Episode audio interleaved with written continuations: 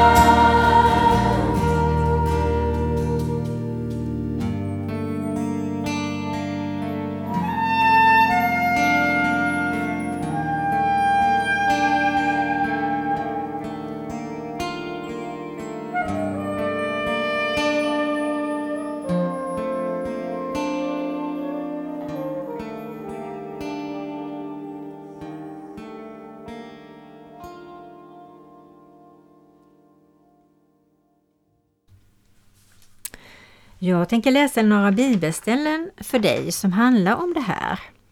Jag är inne på Apostlagärningarna 2.25 och David säger Jag har alltid Herren för ögonen. Han är vid min högra sida för att jag inte ska vackla. Därför gläds mitt hjärta och jublar min tunga. Även min kropp får vila i trygghet att du inte lämnar min själ åt dödsriket eller låter din helige se förgängelsen. Du har visat mig livets vägar. Du ska mätta mig med glädje inför ditt ansikte. Och då läser jag Hebreerbrevet 6, 11 och 12. Men vi önskar att ni var och en ska visa samma iver att bevara den fulla vissheten i hoppet ända till slutet. Så att ni inte blir tröga utan följer dem som genom tro och tålamod får det utlovade arvet. Och då tänker jag på det utlovade arvet är att vi får en framtid med Jesus. Men vi kan ta del av det redan idag. Och Det är så många hundratals löften i Bibeln som talar om att han står vid din sida. Var inte rädd du lilla jord. Jag är med dig alla dagar intill tidens ände. Det handlar om så mycket om att han vill av hela sitt hjärta fylla dig och mig och alla med en tillit, en trygghet som gör att vi litar på Herren till 100 procent.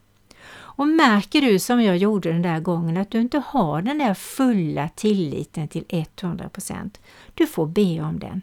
Och är det någonting som Jesus älskar att ge så är det tillit, så att du blir lugn och trygg. Och den bönen kanske du får äta in många gånger så att det riktigt landar som en varm god klump i ditt hjärta. Jag ska läsa Matteus 14, 25 och 33. Mot slutet av natten kom Jesus till dem gående på sjön. Ni minns hela den berättelsen. De åkte ju över med båten för att komma till andra sidan. När lärjungarna fick se Jesus gå på sjön blev de förskräckta och sa Det är ett spöke och de skrek av rädsla. Men genast sa Jesus till dem Var lugna, det är jag, var inte rädda. Petrus svarade Herre, om det är du, så befall mig att komma till dig på vattnet. Han sa Kom. Petrus steg ur båten och gick på vatten fram till Jesus. Men när han såg hur stark vinden var blev han rädd. Han började sjunka och ropade Herre rädda mig. Genast sträckte Jesus ut handen och grep tag i honom och sa Så lite tro du har, varför tvivlar du? De steg i båten och vinden la sig och de som var i båten tillbad honom och sa Du är verkligen Guds son. Och då tänker jag på att den här tilliten, Jesus vill verkligen att vi ska ha tillit John. Han är lite ledsen när han säger Så lite tror du har, varför tvivlade du? Han var säkert jätteglad när Peter skulle gå fram till honom och verkligen testa det. Men så tittade han på vågorna och då blev han rädd. Och den här rädslan när vi är med Jesus, den behöver vi inte ha. Och vi Jesus, vi har honom hela tiden nära oss. Och så fort vi sträcker ut handen, så fort vi ber, så är han där. Och han bor i ditt hjärta. Tänk, du har honom i ditt hjärta och du bor i hans hjärta. Kan man komma närmare Jesus? Och varför har man då inte tillit till honom när han bara älskat, älskat, älskat dig och mig igenom allt faktiskt? Det finns en sång som heter Närmare mig och det är Erik Tilling som sjunger den och jag tycker den passar bra just precis nu.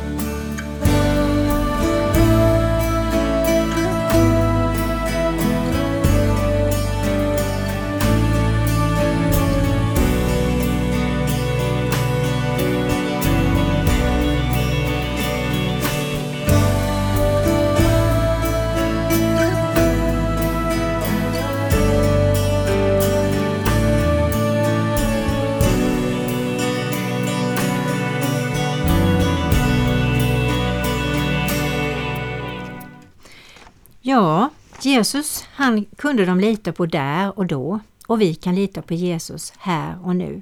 Han har all makt på himmelen och på jorden. Och ibland räcker det bara att vi suckar. Vi behöver inte be några långa böner, precisa böner, utan bara säga Hjälp Jesus. Den här tilliten är ju naturligtvis ganska skör när det gäller till oss själva eller till andra människor som kan ha svikit oss. Och ibland kan man ju fundera på vad är det som gör att vissa människor är så rädda? En del till och med har riktig ångest och får ta till tabletter. Och jag kan inte allt, men det jag vet det är att vi har absolut ingenting att förlora på att lägga oss i Jesu händer. Bjuda in honom i våra hjärtan. Be om den frid och den styrka och den mod som han kan ge. Och att han hjälper oss igenom så att inte känslor av rädslor ska styra oss. Eller att vi inbillar oss eller att vi fantiserar hur hemskt det kan hända si eller så. Vi får bara be bort det i Jesu Kristi namn. Har vi bett så ska vi få och det är ett val att välja att lita på Jesus. Precis som om jag säger någonting till någon annan så får den välja att lita på att det jag säger är sant. Så vi får välja att lita på Jesus och säga det till honom. Jesus, jag väljer från och med idag att lita på dig. Eh, och det kommer att bära god frukt. Sen tänker jag lite grann på barn och barnbarn och de barn vi har runt omkring oss, kanske på arbete eller vad det nu är för någonting. Att vi också behöver göda barns tillit till sig själva, till oss, men också till Gud. Och tala om att Gud är den som älskar dem, som bär dem och som vill dem bara gott. Och det är så otroligt viktigt att lyssna på barnen, hur de tänker och tycker och uppmuntra dem att be om tillit till Gud så att de får den. Och vi ska berätta mycket om alla goda grejer som Gud har gjort i våra liv, för det föder tro i dem. Och vi ska uppriktigt visa hur vi behöver Gud och berätta olika tillfällen när vi har fått bönesvar och när Gud verkligen radikalt har hjälpt oss. Vi ska läsa Bibeln tillsammans med barn och be med dem och tala om för dem att det finns änglavakt som de kan be om om de är i en konstig situation. Men att Jesus älskar att komma in i deras hjärtan och leda dem.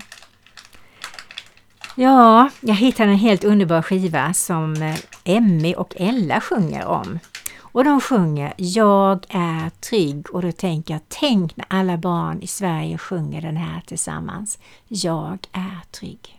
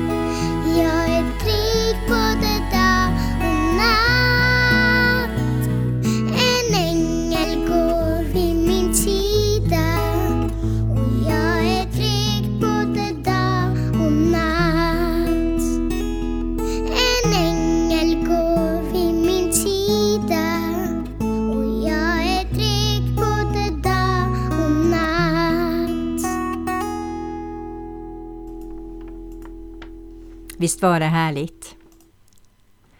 Ja, de här små tjejerna de sjunger verkligen om trygghet och jag kan bara säga det att barn som känner sig trygga och har en tillit både till sina föräldrar och Jesus, de är ju genomtrygga och de kan gå rakt fram och de kan säga sin mening och de, de, de har så mycket trygghet in i sina liv.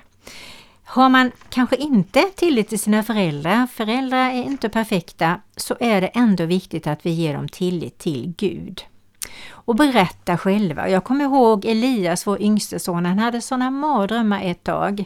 Och vi, när han hade somnat en natt så la vi händerna på honom och bad att Gud skulle bara sudda bort alla de här mardrömmarna eh, som han hade. Han har aldrig pratat om de här mardrömmarna mer. Och jag vet också att vi, det var då vi började med att be välsignelsen över honom varje kväll. Och den ville han ha långt upp i åldrarna. Och idag är Elias polis och han är väldigt trygg person. Ja, trygghet och tillit det är någonting grundstenar som vi behöver. Och Jesus är den grundstenen, står det i Bibeln. Han är hörnstenen. Vi ska uppmuntra människor till att be. Även om det är små, korta, eh, luftiga böner. Och det står i vårt i Bibeln att vi ska gå in i vår kammare, men vi kan be precis vad som helst, tyst i våra hjärtan. Och vi kommer att komma igenom prövningar. Alla människor går vi igenom prövningar och i dem behöver vi, precis som Petrus, en hand att hålla i som vi kan lita på. Mm, jag ska läsa Jesaja 30, vers 15. För så säger Herren Gud, Israels helige. Om ni vänder om och är stilla blir ni frälsta. Genom stillhet och tillit blir ni starka. I Andra Korintierbrevet 3.4 så står det En sådan tillit till Gud har vi genom Kristus. Inte så att vi av oss själva kan tänka ut saker på egen hand, utan vår förmåga kommer från Gud. Är inte det tröstefullt? Och då vill jag bara säga det att lita på Herren, be om stor tillit. Och nu ber vi för det innan sista sången som heter Fyll mig nu. Herre, välsigna var och en och ge dem så mycket tillit och trygghet till dig som det bara går. Och hjälp dem att be den bönen här, för den är så viktig, så att de får frid i sina hjärtan och tilltro till sina böner och stor tro som de kan glädja sig åt varje dag. Amen.